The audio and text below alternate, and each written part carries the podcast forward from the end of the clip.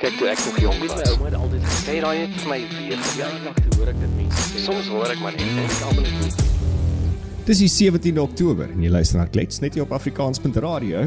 En dis 'n Dinsdag. Godin, hoe lyk dit op hierdie bloody Tuesday? Ja, besig. Gister die Oktober. Oktober raak nie stiller nie, Matthys, maar kan ek vir jou sê, nee, gister was amazing. Ja. Die bokke is verseker 'n antidepressant vir Suid-Afrika. Oral waar ek gister gegaan het vroeg die oggend na ons ehm um, geklets het, as ek na eers volstasie toe. Daar het al die petrol joggies, die staf in die winkel is hysteries. Hulle het gees wat jy nie kan glo nie. Almal sing steeds gisteroggend vroeg bokke songs en kom by die werk aan, almal is skoon in 'n ander lyn. Mm. Mense wat wat skaars ooit 'n smile krak, het die breedste smiles permanent op hulle gesigte. So dis verseker ons antidepressant. Dis ons Prozac. Ja, ek het gister ook met mense gepraat. Almal is nog steeds wel stemmetjies is heus. Ehm um, Babbelas is groot en almal wil wou gisteraand weer die game gekyk het. So duidelik was dit 'n goeie game geweest. Ja, wat wat wel vir my bietjie kommerwekkend was, is al hoeveel ek mense wat ek gister nog 'n boktreie gesien het. Dog ek mannetjie, ek jy, ek, ek hoop dit is 'n skoon een. Ja, ek hoop jy het hom gewas. Moet nou nie se wees nie. Kom nou. Kom nou. Moet nou nie ja, se wees. Moet nou moet nou nie se wees nie. Nou, so dis dan een ding wat goed gaan, Matthys. Andersins sien ek uh, praat van SIF. Mm. Um, ek sien ehm um, Afriforum help 'n uh, munisipaliteit in Bloemfontein om hulle te vrywaar van enige dienste geld wat hulle betaal aan die munisipaliteit want hulle verwyder al vir maande hulle eie vullis. Hmm. Ek weet daar in Kenton Park en Ekurhuleni gaan dit dieselfde in sekere areas. In Pretoria ook. En ehm um, ja, Pretoria dieselfde. Ehm um, ja, privaat sekuriteitsmaatskappye. En ja, dan dan wonder mense nou net uh, taxis en kom naby. Hierdie tax wat ons so betaal. Hoe kan ons dit hoe kan ons dit beter maak want ons kan nie daar ons kan nie van dit af wegkom nie al wil ons hoe graag. Ja, ons wil maar ons kan nie en ons wil net vir die keiser betaal wat hom toekom. En dis hoekom ons vandag praat met Elyn Grobler, 'n CASA oor presies die situasie. 'n Tax season, ehm um, 23 Oktober maak die tax season toe vir vir jou persoonlike belasting en ons wil nie noodwendig meer betaal as wat ons moet nie. Elyn, goeiemôre en welkom by Klets. Môre Matthys, môre Colleen en dankie vir die uitnodiging. Wel, Elyn, kom ons val sommer met die deur in die huis. Ehm um, ons moet ons moet nou almal en dis dis groot chaos en almal is besig om slippies bymekaar te kry en goedjies te doen en dinge reg te kry want ons moet nou kyk dit is so half van ons ons gee glad nie om deur die loop van die jaar nie en dan ewe skielik is dit die tyd van die jaar en dan vermoed ons ons moet nou organise en ons moet admin doen. Maybe is ander mense beter as wat ek is, maar dit is hoe ek is. Ek is useless met dit. So as ons kyk na persoonlike tax, hoe het dit verander in hierdie jaar teenoor vorige jare?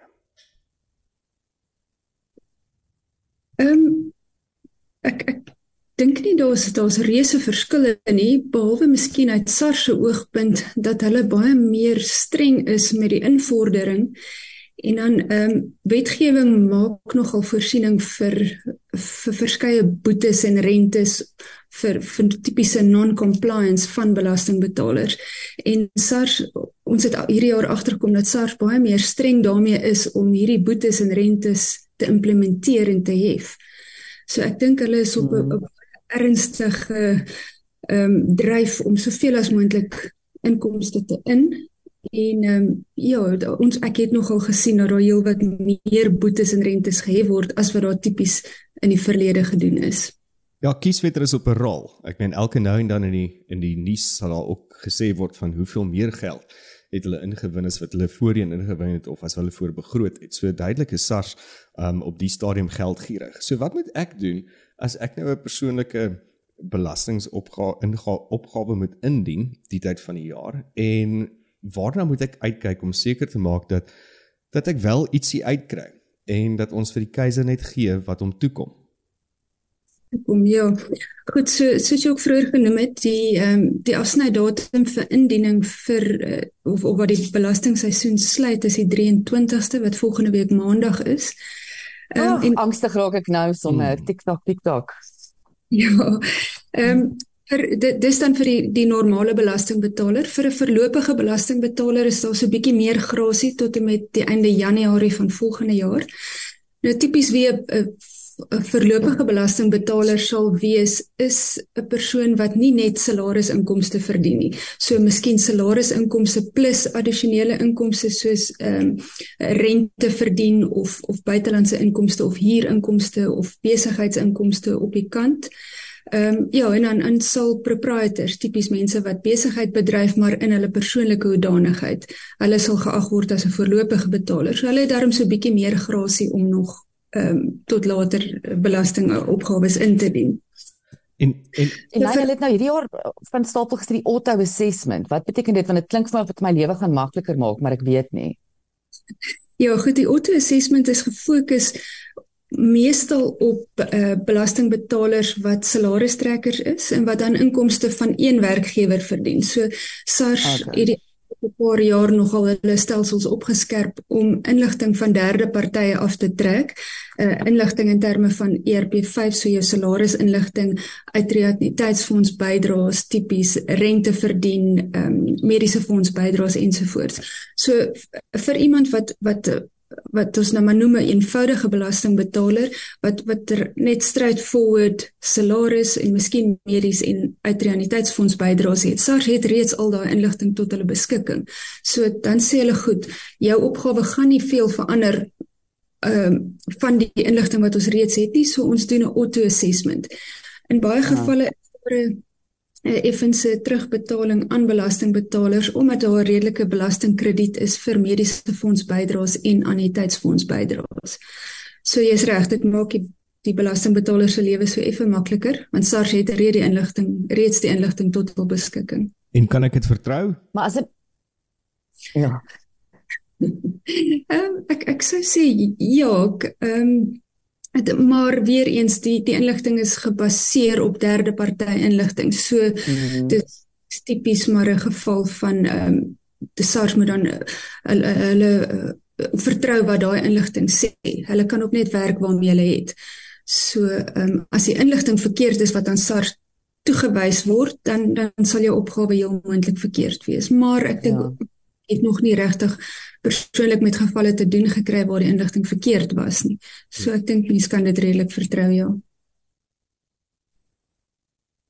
So so dis ek wou net gaan um, belasting redelik eenvoudig is, maar sien maar sien maar jy wil nou ekstra ekstra klein hier en daar of kyk waar kan jy waar kan jy spaar? Baie van ons het nou die afgelope paar jaar van die huis af gewerk en daar's nou soveel gerugte en mense wat allerlei stories uitdeel van alles wat jy kan claim omdat jy van die huis af werk. Hoe werk daai nou, Elaine? Ehm um, is daar iets wat ons weet as ek ek het my my werkgewer, maar ek werk 4 dae 'n week van die huis af. Ek gaan net een dag 'n week in werk toe. Wat presies kan ek dan doen? Ja, so dit dit kan nogal 'n aansienlike voordeel wees as jy van die huis af werk. Ehm um, daar was tydens die pandemie en toe ons almal nou maar geforseer was om van die huis af te werk, natuurlik baie meer sulke eise aan SARS gewees as in die verlede. So SARS is nogal streng om dit te audit. So ek sou voorstel dat mense nie kansse vat nie want uh, SARS nee. is nogal daarmee. Maar tipies ehm um, wel voordat ek ingaan op die tipes uitgawes wat jy kan eis, wees net bewus daarvan dat SARS se vereiste of se voorwaarde voordat hulle hierdie uitgawes sal toestaan is dat jy 'n spesifieke area of vertrek in jou huis het wat gereeld en alleenlik gebruik word as 'n kantoor. So jy kan nie by jou eetkamertafel sit en werk ja. en en 'n uitgawe eis nie want SARS gaan sê nee, dit is eetkamer of op jou spaarkamer se bed sit en werk nie want dit word ook dan gebruik as 'n spaarkamer. En ek het al gevalle gehad waar SARS vra vir foto's. Hulle wil sien hoe lyk hierdie vertrek. Oh wow. Okay. okay. So, goed, dit in in ag genome. Ehm um, vir as jy die eienaar van die huis is, dan kan jy 'n gedeelte van die rente op jou maandelikse paaiement vir die periode wat jy van die huis af gewerk het, kan jy eis. As jy die eiendom huur, dan kan jy 'n gedeelte van die huur eis. Basies enige uitgawe wat wat jy normaalweg vir jou huis sou aangaan. Water en elektrisiteit, heffings, ehm um, bediende as jy uh, skoonmaakdienste het, ehm um, sekuriteit, herstelwerk, enige so iets, maar dit word dan beperk proporsioneel tot die vloeroppervlakte van hierdie dedicated kantoor van jou as 'n persentasie van jou hele huis se vloeroppervlakte. So dit kan nogal 'n gekompliseerde berekening raak, maar as jy aan al die vereistes voldoen, is dit dalk die moeite werd om dit wel te doen en en die uitgawe te eis. En het jy soos 'n brief van jou werkgewer af nodig, een of ander bewys om te sê dat jy wel by die huis werk? Ja, definitief. Dis dis een van die eerste vereistes wat SARS dan wil sien is dat jy wel toestemming het van jou werkgewer om van die huis af te werk. Hmm. So tipies net net gou terug by die auto assessment. Dis nou natuurlike uitgawe wat 'n auto assessment nie in ag neem nie. Yes. So ja auto assess is, maar jy het van die huis af gewerk, dan sal ek voorstel dat jy wel 'n aanpassing op jou opgawe doen. E-filing maak voorsiening vir 'n 'n opsie, hulle noem dit 'n request for correction wat jy dan jou op jou opgawe kan aanpas um, en dan daai uitgawe in ag neem. Maar is wat ek nog sien het ook in die verlede as daar 'n aanpassing is, is die kans 99% dat SARS dit gaan wil audit. So dan moet jy seker maak dat al jou bewyse vir hierdie home office expenses wel in plek is want SARS gaan definitief daarvoor vra. Hoeveel siele werk daar by SARS? Want as ek elke tweede persoon wat ek weer raakloop en praat oor oor tax, dan sê hulle nee, hulle is nou geaudit of hulle word geaudit of hulle word elke jaar geaudit. So ek met daarmee met 'n moer so op mense wees wat al hierdie audits doen. Ja, ek ek het nie 'n 'n nommer in my kop van hoeveel mense daar is nie, maar definitief daar's daar's 'n aansienlike ehm um, hoeveelheid mense wat daar werk. My frustrasie met SARS is daar's daar's mense wat nou maar die afgelope paar jaar byvoorbeeld van van van die huis af werk. So elke jaar dan eis ons hierdie home office expense of iemand hmm. wat 'n reistoelaag kry. So elke jaar eis ons reiskoste.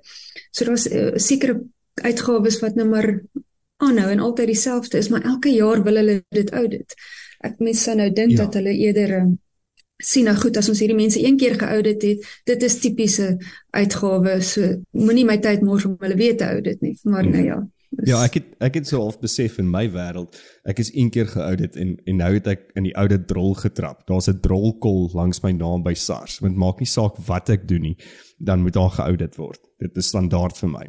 Um as ons kyk nou na iemand wat byvoorbeeld um hulle eie besigheid het en baie van die mense wat hulle eie besigheid het, werk ook by die huis of het hulle kantoor en dan het hulle ook 'n huiskantoor. Hoe werk daai in daai konteks? Want dit is nou anders as wat jy net 'n gewone employee is by 'n firma. Ja, dis reg. Goed, die wetgewing maak voorsienings dat mens enige uitgawes kan aftrek wat verband hou in die voortbrenging van jou inkomste.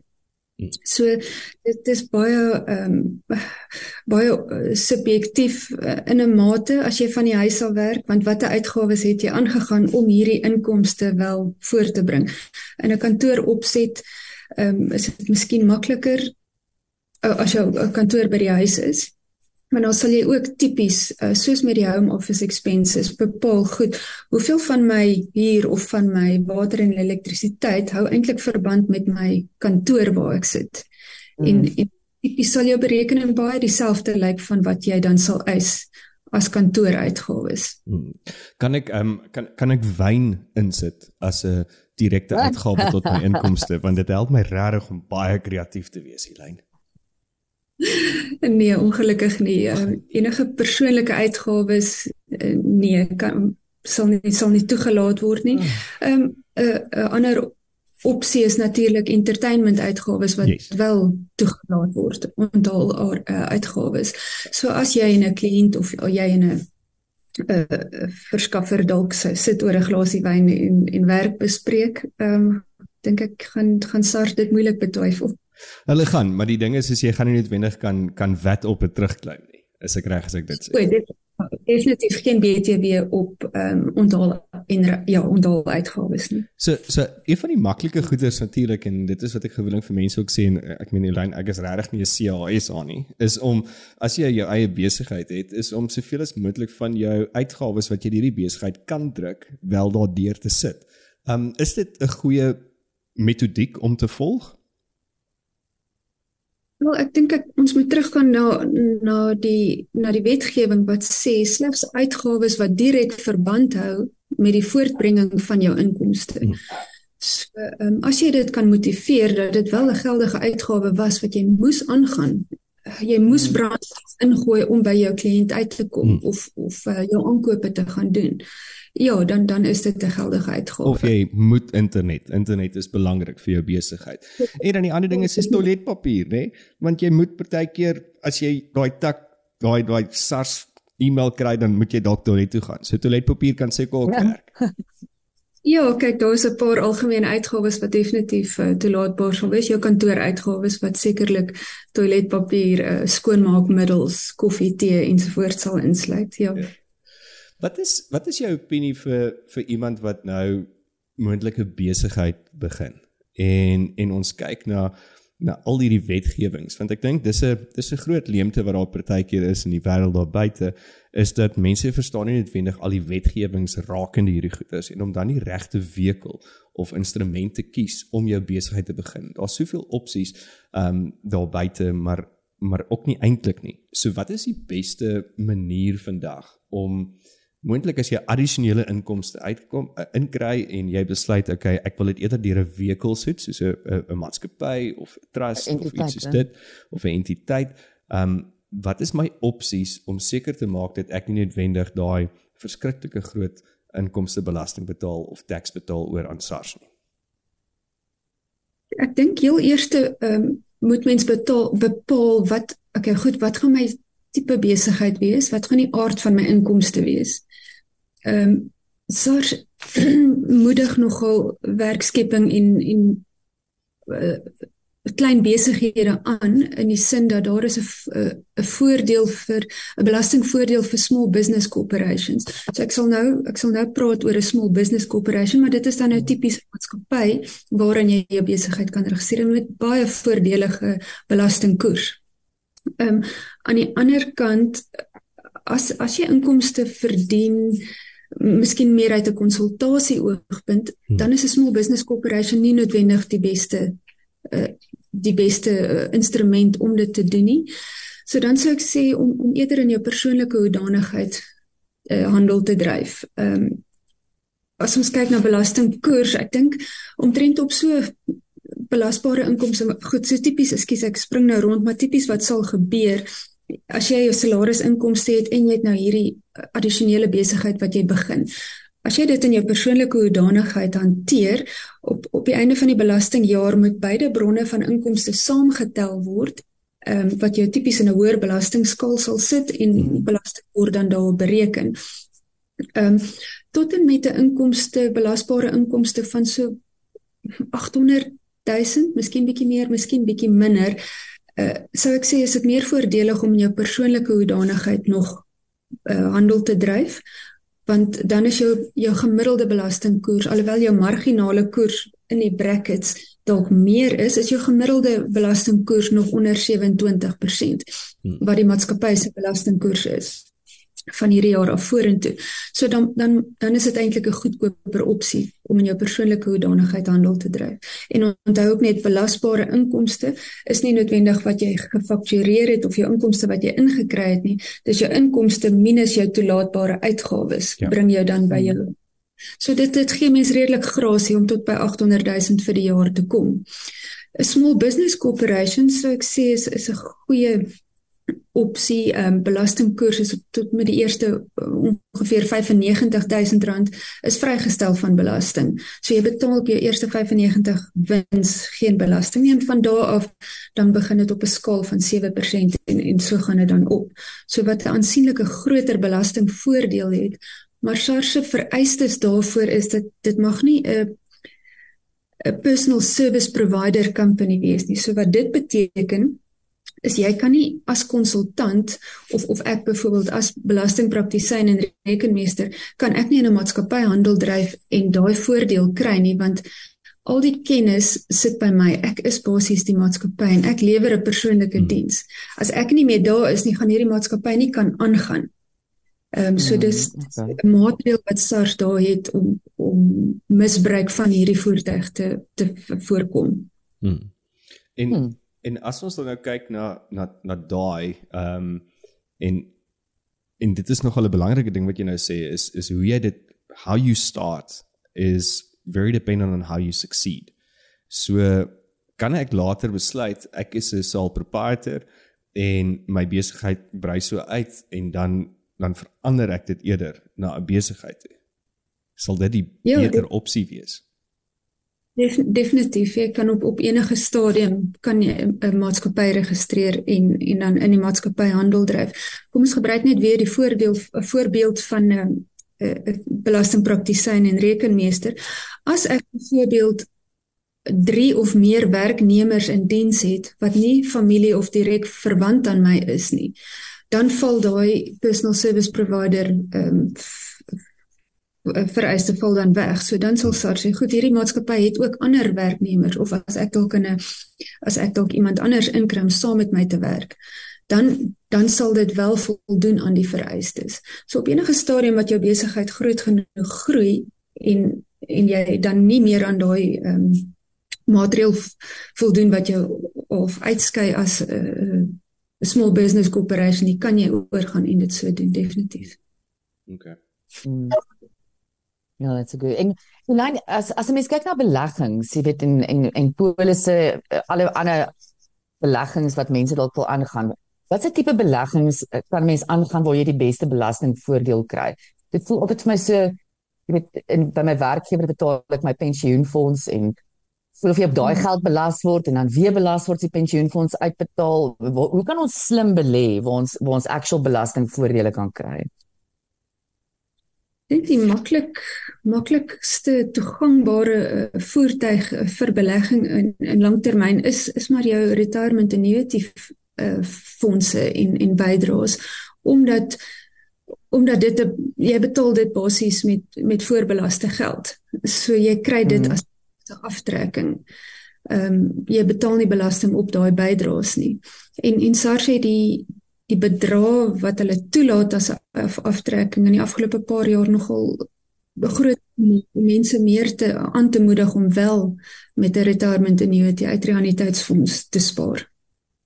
Mm. Ehm, Ja, ek is ek is nie 'n ekspert op beleggings nie, maar ek, ek Mm. dink dit is ook baie afhanklik van persoonlike uh, voorkeure en en risiko ehm um, net wat jy Ja. wel moet hou, jy word wel belas op rente. So as jy jou geld in die bank sou los of of in 'n vaste belegging en jy verdien goeie rente, ehm um, die eerste 23000 rand 23800 rand van rente verdien in 'n jaar is vrygestel, maar alles bo dit word dan by jou belasbare inkomste vir die jaar gesit. So jy gaan belasting betaal op rente verdien.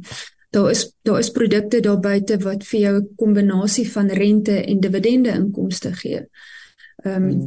en 'n beter opsie is want uh, dividende is belastingvry in in jou as individu se hand. Daar's wel 'n 20% withholding tax op dividende.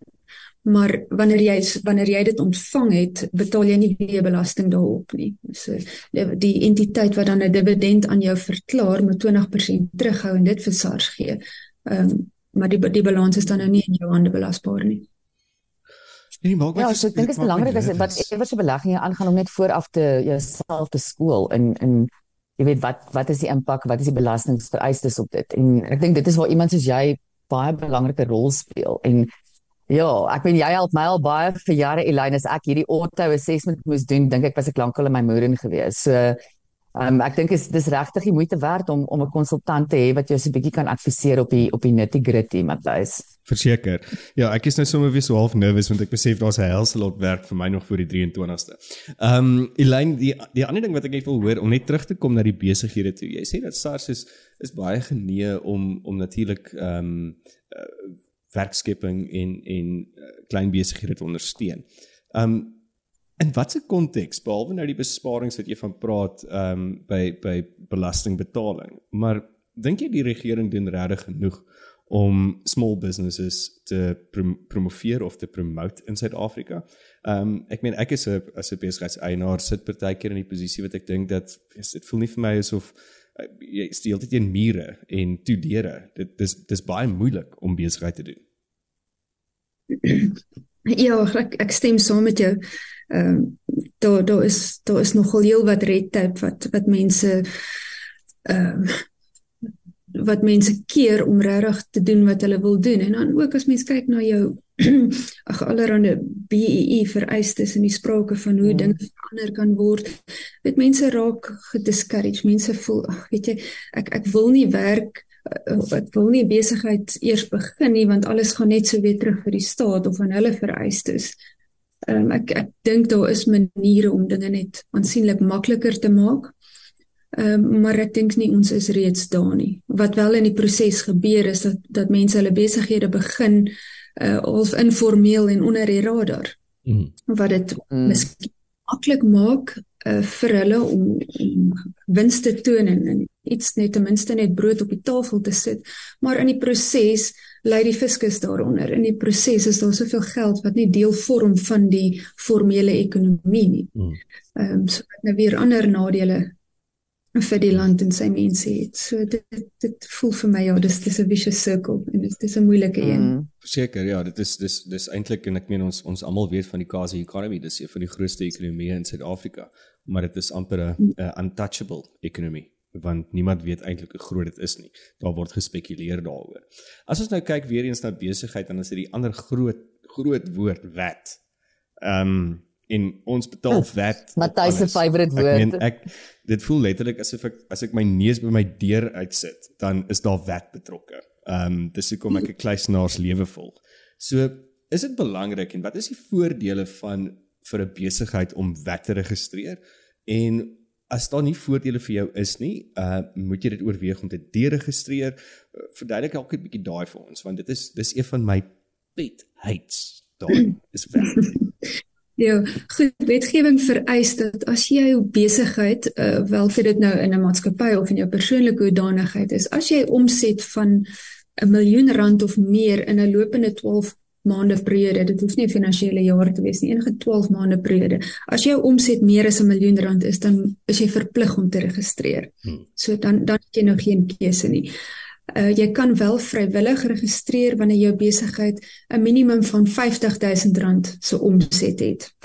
So dis die twee scenario's, so jou vrywillige registrasie en jou verpligte registrasie. So wat ek vind baie van die registrasies wat ek doen wat omset onder 'n miljoen rand het is omdat besighede wil kontrakte kry of tenders of wat maar die hulle moet besigheid doen met iemand of dit word net toegeken aan iemand wat wel 'n BTW registrasie het. So dis dis baie mense se motivering hoekom hulle registreer. Maar dis nie noodwendig 'n voordeel nie want wat gebeur jy jy bepaal nou jou prys jou besigheid jy het jou somme gemaak en gesien ek moet hierdie produk of diens verkoop teen X bedrag my insetkoste is soveel so ek maak wins van Y bedrag so jou BTW moet jy nou nog bo op jou verkoopprys van jou produk of diens moet jy bysit en baie mense doen dit nie of verstaan dit nie. So effektief wat gebeur, daai 15% BTW wat nou aan SARS betaal word, eet in hulle winste in. Yep. Dis dis dis 'n frustrasie van baie mense. Ehm um, maar ongelukkig wanneer jy re- geregistreer is dan of of aan die vereistes voldoen en jy is geregistreer, dan kan jy nie wegkom van dit. Jy moet dan daai opgawes indien. Ja, en As jy besigheid Mens Ekskuus, Helen, en baie mense gebruik daai daai wet, daai 15% in onderhandelings om te sê nee, maar maar daar gee 'n bietjie vir my discount daar. So en maar ons 'n bietjie discount praat nie. En dan dan sien ek hoe mense op die einde daai 15% as discount gee en dit is presies wat jy sê, dit is 'n dis 'n profit wat jy daar weggooi. Ja, jy jy sny in jou eie sak in Hmm. en uh, maak jou eie wins minder op die einde van die dag. Hmm. Ja, so kan ek, ek, kan 'n mens deregistreer vir wat? As jy nou geregistreer het, jy besef maar ek het nou 'n fout gemaak, kan jy dit is dit ehm um, omdraaibaar. Dit ja, dit dit is 'n opsie. Jy kan deregistreer vir BTW. Weereens soos ons nou nog gepraat het van die red tape, dit is net dit is net 'n is nie 'n maklike proses nie. Uh is Emissions soos alles.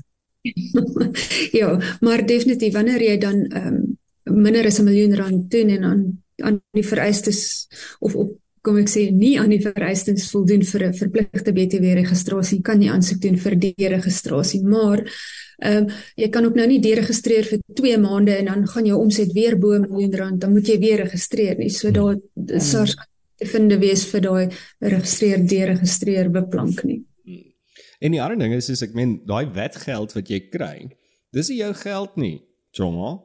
Dit is dis SARS se geld. Jy hou dit net vir 'n rukkie in jou rekening en as jy gelukkig is kry jy 'n bietjie rente daarop, maar dan moet jy dit vir hulle gee. En ek sien dit is nog 'n groot probleem en ek gaan eerlik wees, ek het al in my lewe in daai drol getrap ook. En dan dan kom SARS en dan sê hulle, "Oké, okay, waar's my werkgeld?" En dan sê ek dit so, ehm um, dit was 'n heerlike vakansie. Ehm um, en en dan raak dit 'n probleem. Ja, die die uh, kontantvloei is is nogal 'n situasie wat mens goed moet beheer. Omdat jou BTW periodes loop tipies 2 maandeliks, groter maatskappye het maandelikse BTW periodes. Maar jou verpligting om daai geld aan SARS oor te betaal is eers 'n maand later as wat jy daai geld ontvang het. Hmm. So ek ek sien wat jy sê, dis maklik om in in daai in daai trap te val dat jy die geld gebruik, maar dit is eintlik nie jou geld nie. Hmm. Gelukkig um, nie al die geld wat jy in op jou fakture is betaalbaar aan SARS nie. Jy kan ten minste jou insetkoste daarvan aftrek. So dit dit's ook 'n goeie idee wanneer jy jou kostes aangaan, jou uitgawes vir die besigheid aangaan om seker te maak dat jy ook handel dryf met instansies wat wel vir BTW geregistreer is want jy kan net die insetkoste eis as jy dit betaal het. So as jy met kom ons gebruik 'n voorbeeld, ehm um, jy het herstelwerk aan jou jy werk nou van die huis af, jy het herstelwerk aan jou elektriese heining wat gedoen moet word of iets of of of by jou kantoor en jy gebruik die buurman want sy hy weet wat hy doen, maar hy is nie vir BTW geregistreer nie, dan is daar ongelukkig nie 'n insetkoste wat dit aanbetref nie. Waar as jy hmm geregistreerde maatskappy gebruik wat wel vir BTW geregistreer is, kan jy dan maar dit kan ook weer 'n tweesnydende swaard wees want die die formele BTW geregistreerde maatskappy se prys gaan dalk hoër wees. Ja. So uh, ja, mens mens moet maar jou huiswerk doen voordat jy sommer net uh, uitgawes aangaan. Kyk waar's vir jou die beste voordeel. Ja, en ek dink wat jy daar sien, dis die belangrike ding om die hele tyd jou vinger op die pols te hou as dit kom by jou finansies, om om die hele tyd te weet wat aangaan en jou cash flows dop te hou, jou jou started dop te hou, jou trial balances om seker te maak dat waar staan jy? Waar staan jou posisie as dit kom ehm um, by jou besigheid en waar staan jou posisie as dit kom by jou betaalbare wat wat jy moet oorbetaal? Dit meer ek hier na luister en hoe jy nou praat, dit is so kringloop van van ek is 'n ek, ek is wet geregistreer, maar nou moet ek werk doen by mense wat weg wet geregistreer is of ek moet um dienste kry by mense wat wet geregistreer is. Dit begin al hoe meer vir my voel asof SARS die Illuminati is en jy moet deel wees daarvan. Anders dan gaan jy dit nie maak nie. Ja, ek weet nie of ek kan af. Hierdie tipe Illuminati maak my net angstig. Ek is nie mal vir SARS ja. nie. Um Elaine, um dalk 'n laaste laaste wenke wat jy kan gee vir mense wat nou dalk wakker geskrik het soos Tintje en ek en Colleen wat besef die 23ste is nou om die draai en ek moet nou vinnig hier plan maak. Wat is jou wat is jou vinnige wenke? Waar moet ek begin? Ek is overwhelmed. Dis Oktober. Ek is gatvol vir die jaar. Ek wil net dink aan vakansie en nou lê hierdie soos 'n berg voor my. So so wat is jou wenke dalk? Ek gaan nou eers my glas wyn in gooi lyn en dan wat doen ek dan? Goed. Ek dink die die belangrikste is moenie 'n volstrys benadering volg nie. Die probleem gaan nie weggaan as jy jou kop in die sand druk nie. Ehm um, vir jou en en en wees maar net bewus daarvan SARS soos ons vroeër gesê het is op 'n dryf om soveel as moontlik inkomste te in. So daar is boetes en rentes vir laat indiening. So jy gaan dalk vanaand moet wakker bly en net jou dokumentasie agter mekaar kry uh, ek sou sê moenie te veel bekommer oor jou ERP5 mediese fonds uitreaniteits en rente verdien. SARS het reeds daai inligting. So uh, belangrik is kry jou addisionele inkomste as jy dalk hier inkomste verdien het. Maak 'n opsomming van jou hier inkomste verdien vir die jaar en kyk wat was jou uitgawes. Moenie eh, ek ek het kliënte wat ek my checkersak kliënte noem Moenie 'n sak met strootjies vir my bring nie want mm. ek gaan dit uit. Maar as jy uh, ja, as jy jou inligting sommer net op 'n Excel spreadsheet agter mekaar sit en vir jou belastingkonsultant gee, ek dink dan sal dinge vinnig uitgesorteer word. Hmm. en en SARS SARS is soos Big Brother. Hulle weet al hoe meer en meer en kry al hoe meer en meer inligting van derde partye. So ek sou nie voorstel probeer inligting wegsteek of oneerlik wees hmm. nie.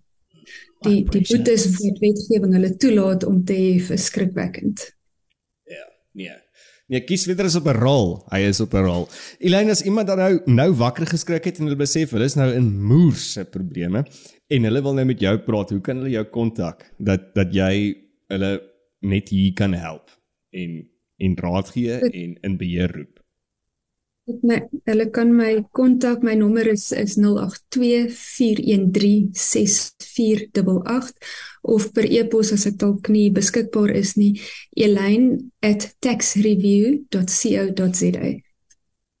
Dit was dan nou Elaine met al haar wonderlike raad. Ehm um, Clean uh sien ek nou nou vir 'n glas wyn. Ek sal die company daarvoor betaal en noem ons dit entertainment en dan doen ons na die tyd doen ons ons tax. Hoe klink dit?